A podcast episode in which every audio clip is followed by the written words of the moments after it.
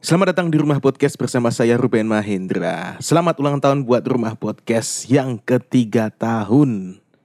Karena bertepatan dengan tanggal sekarang ini, tanggal 27 Oktober 2022, itu Rumah Podcast berulang tahun yang ketiga.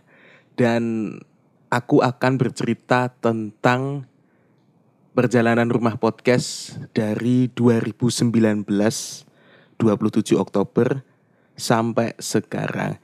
Jadi ada beberapa hal yang ingin aku sampaikan termasuk nanti aku akan bercerita tentang di balik layar gimana prosesnya rumah podcast sampai sejauh ini.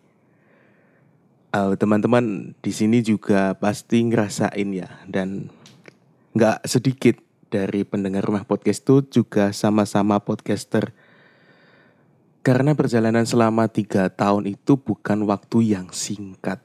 Dan pastinya selama tiga tahun itu pasang surut akan selalu ada. Dan kita throwback dulu pada tanggal 27 Oktober 2019. Nah, seperti beberapa episode yang pernah aku sampaikan, rumah podcast ini tuh berawal dari rasa penasaranku terhadap dunia podcasting. Karena beberapa teman-temanku di sekitar itu ada yang punya podcast walaupun episodenya itu belum konsisten dan kualitinya bukan uh, belum bagus gitu ya. Tapi mereka udah berani nyoba-nyoba tuh, entah ngerekam pakai handphone, entah um, pakai apa audio yang well prepare gitu. Dari situ, loh kenapa orang-orang bagus dan orang-orang biasa. Lah podcaster yang bagus sama orang-orang biasa yang masih seumuran sama aku dan eh, orang-orang biasa ini kenapa bisa bikin podcast juga gitu? Nah dari situ kan penasaran. Dan sebelum ini aku juga pernah nge YouTube jadi uh, ngerasa kalau YouTube itu kenapa nggak bisa konsis sih? Karena ngeditnya kan lama terus harus ada kamera harus ada modal ini itu dan lain-lain. Terus balik lagi pada saat itu Nah, aku ingat banget ketika pas saat itu kenapa aku ngepodcast itu selain itu karena aku juga baru ada duitnya juga teman-teman. ya. Pada saat itu aku ngerjain event. Uh, eventnya itu adalah event di Stadion Jangkring namanya dan di sana uh, yang nonton itu sekitar 5000 orang dan pada saat itu itu momentumnya adalah pas almarhum Didi Kempot lagi naik-naiknya teman-teman. Nah kalau teman-teman pernah dengar cendol dawetnya yang rame-rame nyanyi itu walaupun itu sebenarnya di create sama Abah Lala ya. Terus dibawain sama almarhum Didi Kempot. Dan pada saat itu aku tuh posisinya sebagai LO-nya gitu kan. Terus tahu banget tuh perjalanannya perjalanannya almarhum Didi Kempot uh, dari masuk apa venue sampai pulang gitu ya. Terus balik lagi setelah itu kan ada yang namanya gajian kan kalau event itu. Nah itu setelah itu aku baru beli alat recording ya. Seperti pada podcaster umumnya awalnya aku tuh cuma punya apa ya alatnya.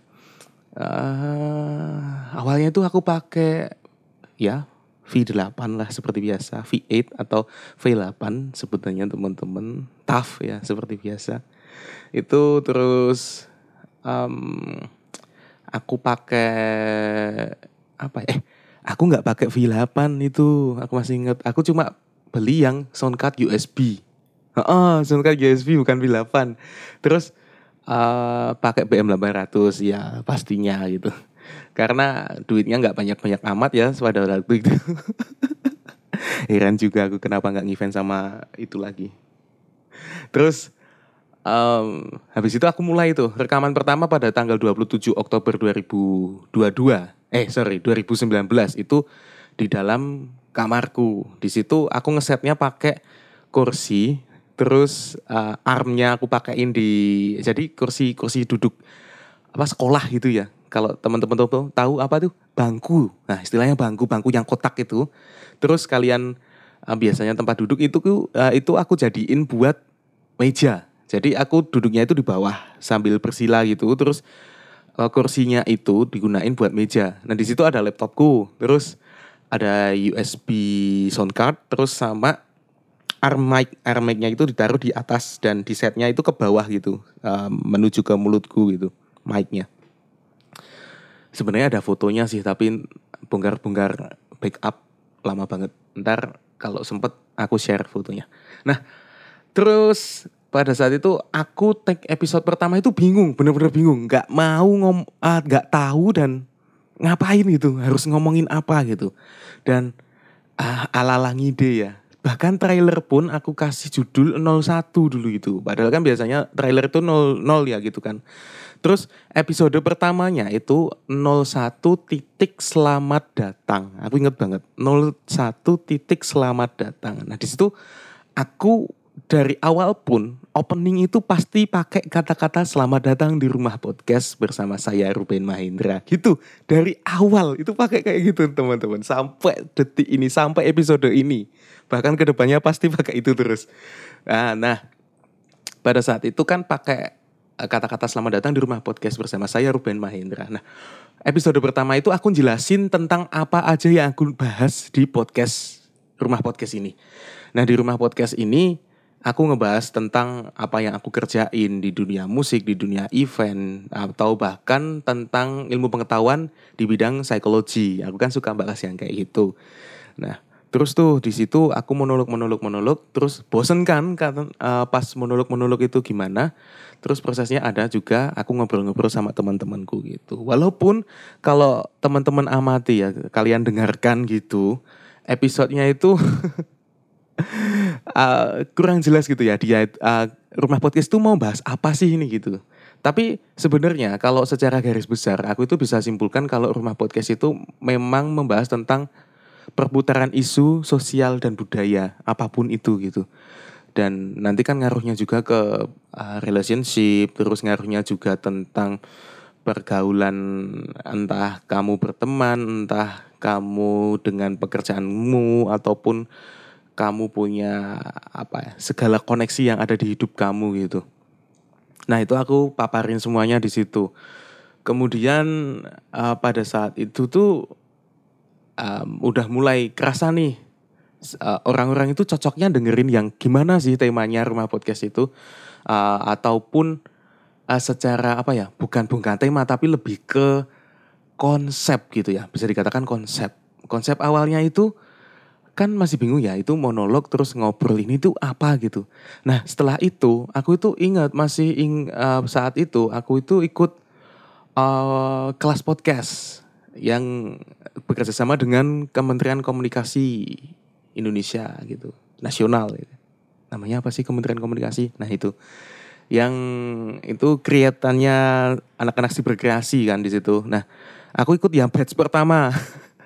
yang batch masih awal banget. Nah pada saat itu aku itu uh, karena ya kantong masih tipis, gak punya wifi, aku tuh datang ke suatu cafe yang di dekat terminal gitu. Jadi ada cafe yang di mana di situ itu kalau pagi itu tutup, tapi kalau uh, malam buka. di situ aku wifi-an sendiri teman-teman wifi-an sendiri terus uh, aku konekin gitu terus di sana uh, dapat penugasan-penugasan dan salah satunya aku tuh yang tertarik dari dulu itu kenapa ikut kelas itu adalah aku tuh suka ngikutin karyanya Raditya Dika. Nah, kebetulan pada saat itu tamunya itu salah satunya adalah Raditya Dika ini. Nah, dan banyak sekali bekal-bekal yang uh, aku dapat dari situ. Uh, seperti yang udah disampaikan sama si Radit sih. Si Radit kan bilang kalau uh, membawakan apa pun itu yang dekat sama kamu gitu kan. Apa pun itu yang kamu suka gitu kamu bawain aja sebagai karyamu gitu. Dan masih banyak lagi termasuk uh, cara penulisan dan lain-lain termasuk teknisnya juga dan lain-lain begitu. Dan makin ke situ aku ngerasa bahwa ah ini harus diseriusin nih rumah podcast nih ke depannya mau gimana gitu um, walaupun aku belum kepikiran ada input apa ya setelah itu uh, entah dapat uh, iklan ataupun dapat fee dari situ ataupun dapat apresiasi apa pun bentuknya gitu belum pernah kepikiran sama sekali. Aku ingin uh, membikin saja karena aku penasaran. Dan pada saat itu kan uh, 2019 belum pandemi ya. Tapi uh, apa sepertinya aku tuh merasa bahwa hmm sepertinya ada sesuatu setelah ini nggak bercanda bercanda itu cuma berjalan sealami itu ya terus Karena basicnya kan aku dari dulu penasaran membuat sesuatu. Kalau aku penasaran pasti aku kejar gitu kan. Terus aku pengen nih ke podcast, podcast podcasting gitu. Nah setelah itu aku tuh dengerin dengerin podcast dan awalnya itu aku dengerin podcastnya uh, curhat 20-an yang relate kan sama aku karena umurku 20-an gitu. Terus aku dengerin podcast curhat 20-an yang awalnya Spotify chart itu bahkan dari 1 sampai 100 itu masih pemula-pemula gitu podcaster tuh awal-awal. Tapi uh, setelah itu muncul ada podcast Mas dan teman-temannya gitu sama box box to box apa ya. Nah, itu mulai muncul tuh di situ. Tapi uh, bahkan peringkat 1 sampai 5 itu masih banyak podcaster-podcaster yang bukan podcaster dari kalangan public figure gitu. Nah, pada saat itu aku ngerasa bahwa loh, aku itu sebenarnya bisa loh masuk di chart ini gitu loh uh, modalnya cuma audio doang, tinggal uh, upload bisa dari HP pun bisa gitu. Karena kalau YouTube kan prosesnya panjang dan ribet kan. Terus um, aku memutuskan buat oke okay, bikin aja gitu. Setelah berjalan berjalan gitu, aku banyak referensi. Ternyata uh, podcast itu awalnya dari iPod, terus ada juga podcast yang senior senior di Indonesia termasuk ada podcast awal minggu terus ada salah, satu podcaster itu siapa aku lupa namanya dan uh, yang ngabarin tentang macetnya Jakarta kalau nggak salah ya itu aku lupa namanya. Nah setelah itu aku kan penasaran kan lihat-lihat podcast uh, dengerin dengerin podcast itu dan aku nyantol sama podcastnya Magna Talks itu entah kenapa itu aku nyantol sama Magna Talks dan setelah aku denger dengerin Magna Talks ini tuh nisnya dapat banget teman-teman uh, dia itu membahas tentang uh, dunia kreatif ataupun bisnis dan formatnya interview. Dan yang ngebawain ada ya adalah Ias Lawrence. Dan Ias Lawrence itu ternyata pas aku dengerin itu kadang kan bilingual gitu kan. Uh, dan bilingualnya itu enak dan uh, perlu kalian ketahui aku kan juga punya latar belakang di mana itu dulu sekolah di rintisan sekolah bertaraf internasional. Jadi aku ngerasa bahwa uh, bawain podcast secara bilingual itu juga nggak apa-apa loh gitu. Nah aku aku ngikutin terus tuh di situ cara interviewnya dia aku riset gitu. Nah pada saat itu beberapa teman-teman komunitas tentunya um, mereka bilang kalau uh, sebenarnya kamu itu punya keahlian dalam menginterview gitu bilangnya. Walaupun aku juga nggak tahu ya kenapa bisa begitu. Entah mungkin karena um, aku belajar konseling juga ataupun aku belajar banyak temen gitu kan sering dengerin orang. Terus aku bawa ke kontenku gitu.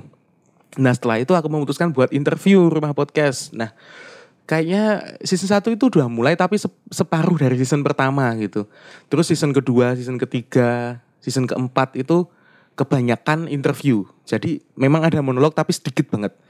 Uh, interview interview interview. Kemudian itu lanjut. Uh, ada salah satu episode yang meledak gitu pada season pertama. Itu sama uh, dua orang yang kebetulan itu temenku juga dua orang in, ini tuh adalah sepasang fotografer gitu. Dan ini cowok, cowok sama cewek gitu. Mereka sepasang kekasih yang merintis usaha fotografer wedding gitu. Dan mereka itu menariknya adalah berarti pada saat itu 6 atau 7 tahun ya 6 atau 7 tahun mereka berpacaran mereka itu pacaran beda agama gitu. Nah pada saat itu kan banyak orang yang penasaran nih kenapa uh, orang ini tuh bisa bertahan awet banget gitu ya walaupun beda agama gitu kan terus itu rame tuh di share di Twitter di mana-mana itu banyak yang repost itu wah dari situ aku ngerasa bahwa oke okay juga nih kayaknya kita nginterview orang. Kemudian lanjut season 2 dan lain-lain. Nah dari awal batch pertama aku ikut kelas berkreasi itu aku sebenarnya udah masuk Discordnya The Podcasters Indonesia. Jadi info aja buat teman-teman yang belum tahu apa itu TPI, The Podcasters Indonesia. Itu adalah komunitas terbesar podcast di Indonesia dan di sana banyak sekali teman-teman yang masih belajar podcast karena masih kelas awal dan banyak banget yang masih pemula gitu masih masih seperti saya gitu dari dulunya gitu terus di situ pun ada senior seniornya ternyata ada Pradipta Nugroho ada Mr. Popo ada juga podcaster-podcaster lain yang udah gede-gede tuh namanya di situ. Bayangin aja cuy, ada Do You See What I See sih di situ sih. terus aku di situ kenal teman-teman banyak dan walaupun aku nggak aktif ya season pertama itu, terus kemudian kayaknya aku baru aktif itu setahun setelah itu deh di grup itu, uh, di Discord itu. Setelah itu baru aktif di Discord. Namun dulu itu aku sempat nyasar di grup grup WhatsApp grup WhatsApp gara-gara dulu itu kayaknya dari Facebook deh. Dari Facebook aku gabung uh, komunitas podcast gitu, terus ada orang salah satu temen itu yang nginvite gitu. Walaupun aku juga belum kenal nih sama orang ini nih. Kemudian nginvite satu-satu gitu masuk grup Facebook, terus kemudian eh sorry masuk grup WhatsApp. Kemudian ada yang ngasih semacam apa ya? Uh, tutorial-tutorial gitu. Nah, dia youtuber gitu, ngasih tutorial tentang podcast teman-teman. Nah di situ terus um, kita diskusi-diskusi-diskusi, terus kita mecah grup juga tuh. Kemudian orang-orang Jawa bikin grup sendiri. Di situ ada orang Jogja, ada orang Jawa Tengah, ada orang Jawa Timur gitu. Nah di situ kan lebih enak. Terus pada saat itu, boom, pandemi muncul kan. Nah di situ kita berkomunikasi terus tuh gara-gara pandemi tuh komunikasi terus entah Google Meet Up ataupun dan lain-lain. Karena belum uh, saat itu belum bisa ketemu secara langsung ya karena masih pandemi kan. Terus kita tiap malam telepon call gitu. sharing sharing-sharing tentang podcast banyak banget tuh tema-temanya ada yang temanya tentang curhatan ada yang interview ada juga yang tema horror gitu nah salah satunya adalah aku juga uh, bergabung sama kalau teman-teman tahu podcast kisah horror nah di situ ada Mbak Ana Olive itu dari Jawa Timur nah di situ kita masih satu grup dulu itu pas saat itu. Terus cerita-cerita tentang dunia konten kreator dan lain-lain. Dan uh, beliau kan juga eh beliau. Dia kan juga uh, udah lama di YouTube juga kan. Awal-awal apa YouTube horor yang apa tempat terbengkalai gitu. Yang cewek gitu kayaknya pionirnya dia ya. Nah itu itu kayaknya eh, sama jurnal Risa duluan mana ya? Tahu kan jurnal Risa yang uh, nah itu kayaknya mungkin duluan dia gitu. Nah, di situ aku belajar gitu. Dan pendengar podcast itu bisa sejauh itu cuy ternyata cuy. Kalau dia sering repost repost pendengarnya dari mana bahkan itu ada yang pendengar. Walaupun itu jauhnya jauh aneh sih. Maksudku gini mungkin entah pekerja di luar negeri atau gimana itu pendengarnya sampai Australia cuy. Nah dari situ kan aku mikir lagi loh podcast bisa sejauh ini ya ternyata ya jangkauannya gitu untuk merawat pendengar itu dan banyak teknik-tekniknya sih kalau dia kan sering bacain cerita pendengar itu di behind the scene-nya juga banyak banget ceritanya di situ. Nah, setelah itu aku penasaran kan, terus aku eksekusi dan jalan tuh podcast udah beberapa tahun. Kemudian aku ngerasa gatel nih, kenapa nggak bisa berkembang nih podcast ini? Kemudian dengan cara apa? Dengan cara adalah kayaknya exposure-nya di Spotify itu nggak terlalu besar deh menurutku gitu kan. Kemudian setelah itu aku memutuskan buat lanjut di YouTube. Di YouTube ini adalah mulanya kan aku udah punya katalognya nih, udah punya portonya, udah berapa episode udah uh, season pertama itu berapa ya episodenya ya? Kayaknya 40-an deh, 40-an, 48. Iya, kayaknya 48 kalau nggak salah loh ini sekitar 40 38 kalau nggak 48 setelah itu uh, season 2 kemudian uh, mulai nge YouTube itu. Dan nge YouTube ini aku nawarin ke salah satu produser itu. Kemudian jalan tuh YouTube-nya dan lumayan itu. Karena ini YouTube formatnya jadi harus bombastis dar dir dor gitu teman-teman. Beda sama Spotify. Kalau Spotify kan biasanya kan kita bahasnya uh, uh, uh, by ya sama-sama real sih tapi daya spektakulernya mungkin yang catching up menit-menit awalnya itu beda banget. Soalnya dari awal episode pertama yang di YouTube-nya Bait Kata Project itu kan uh, bahas tentang perda uh, undang-undang apa tuh? Perda tentang kawasan tanpa rokok kan. Nah pada saat itu ternyata produserku tuh mengundang salah satu staff di uh, dinas kesehatan. Jadi itu kan head to head banget ya aku sebagai orang entertainment di dunia hiburan yang sangat didukung sekali dengan rokok kemudian dihadapkan dengan orang yang giat mengkampanyekan untuk anti rokok. Begitu. Dan awalnya itu aku juga ngepost di Twitter sama Instagram itu ada salah satu tempat kafe, eh bukan kafe, burjuan gitu. Burju kan identik kita nyantai-nyantai, ngerokok gitu kan. Kemudian di dalam ruangannya itu ada tulisan dilarang merokoknya sekarang itu itu perda gitu kan ditempel tag gitu. Nah setelah itu uh, entah kenapa ya impactnya itu lumayan gitu loh ternyata itu di share di mana-mana di aku tuh lama banget gak buka Facebook ternyata ada orang yang nge-share di Facebook kemudian ngetek di Facebook aku gitu. Dan wallku kan aku buka gitu ketika ada yang ngetek aku kemudian muncul di wallku itu di dinding. Kalau teman-teman di sini ada yang nggak tahu Facebook Facebook itu ada timelinenya kan namanya itu wall dinding gitu. Sama seperti feed gitu. Nah setelah itu ternyata ada impactnya lagi teman-teman. Setelah itu tiga hari setelah itu itu uh, kemudian aku dapat undangan dan uniknya itu di situ undangan salah satu partai politik gitu ya undangan salah satu partai politik aku mewakili sebagai uh, uh, bersama satu temanku itu untuk mewakili teman-teman musisi Kulon Progo gitu kan pas masa uh, pada saat itu Kemudian pada saat itu tuh ternyata yang dibahas adalah perda tentang rokok itu teman-teman. Bisa bahas banget tuh. Terus aku uh, dinotis sama uh, bapak wakil bupati pada saat itu ada di situ tuh karena beliau adalah salah uh, sebagai partai itu kan. Terus uh, beliau ngomong ini, ini masnya yang di podcast itu ya gitu. Lu, kenapa bapak tahu saya gitu? sampai sana ternyata gitu terus aku ngasih gagasan-gagasan di berbagai macam sudut pandangku sebagai orang entertainment kenapa lesu nggak ada rokok dan lain-lain. Walaupun di situ kan ada sisi konfliknya juga kenapa masih ada pabrik di sini gitu kan. Terus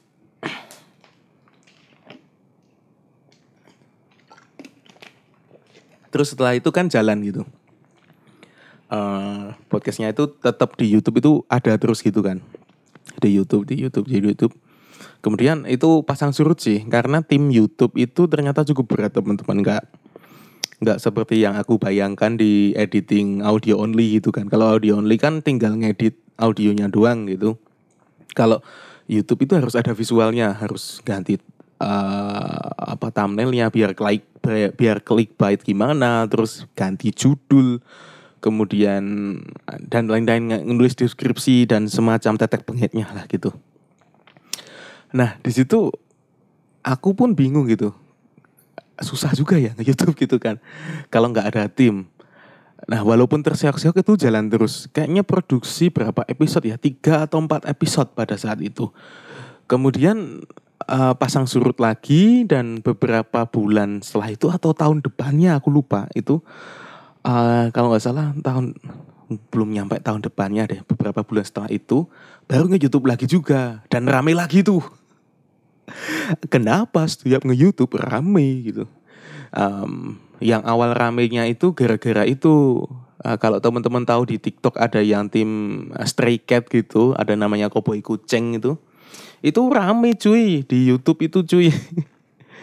Dan beberapa followers aku di Instagram itu ngasih apa ngetek di itu loh mention di IG itu sama DM uh, mereka itu bilang kalau loh ini uh, podcast podcastnya nyampe di grup WhatsApp keluargaku gitu loh kok bisa ada muka saya di grup WhatsApp keluarga anda gitu. itu dari situ teman-teman terus ada satu salah satu episode lagi yang boom gitu yang der gitu kan yang spektakuler yang wih gitu ada podcast klarifikasi. Ini for the first time ada podcast klarifikasi di rumah podcast. Uh, ternyata saya baru tahu impactnya kalau klarifikasi seperti di close the door itu sangat memancing pendengar dan viewers.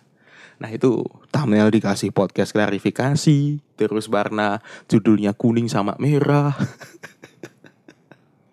itu dan walaupun audionya itu jelek banget ya karena uh, kita tagnya itu pada saat itu di mana ya mana namanya itu di salah satu cafe gitu dan tempatnya itu di outdoor yang kayak hutan gitu yang licin gitu tempatnya terus sampingnya itu udah sungai dan suara sungainya itu keras banget tapi pada saat itu itu viewernya nyampe berapa ya itu ya? 3000, 4000. Mungkin sekarang tambah aku nggak lihat statistiknya ya.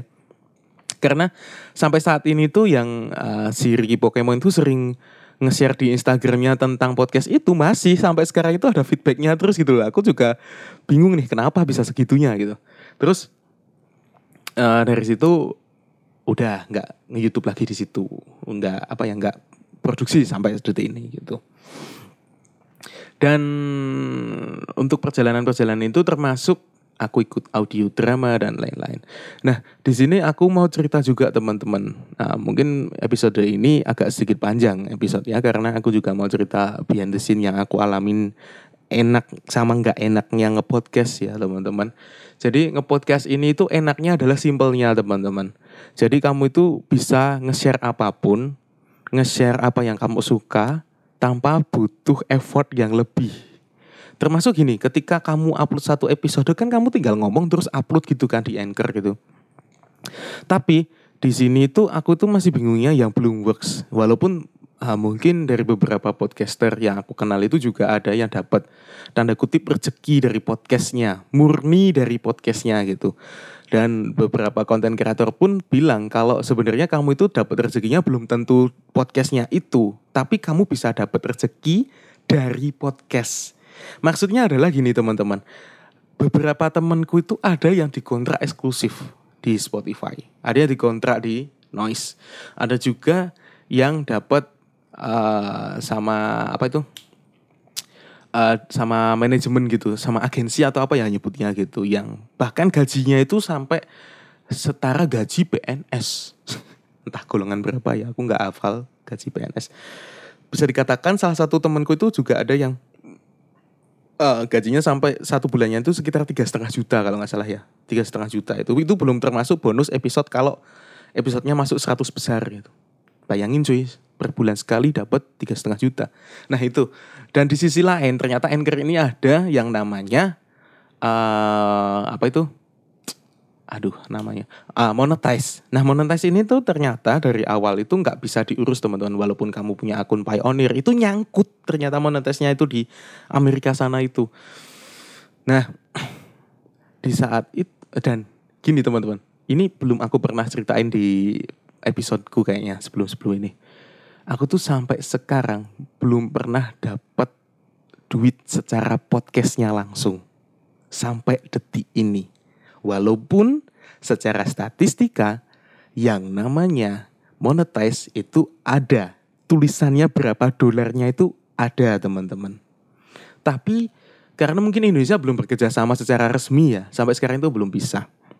Nah aku nggak nggak tahu juga nih uh, setelah uh, Abu Bakar pasang setelah apa ya downgrade, upgrade alat dan lain-lain sampai detik ini yang uh, season ini season 4 season kemarin itu ini kan season 5 yang season 4 itu aku dapat salah satu DM dari Centang Biru gitu. Aku nggak usah nyebutin salah satu apa ya agensinya ataupun timnya gitu, tapi uh, mereka uh, bilang kalau apa ya ini juga nggak nipu sih, tapi lebih ke gini loh.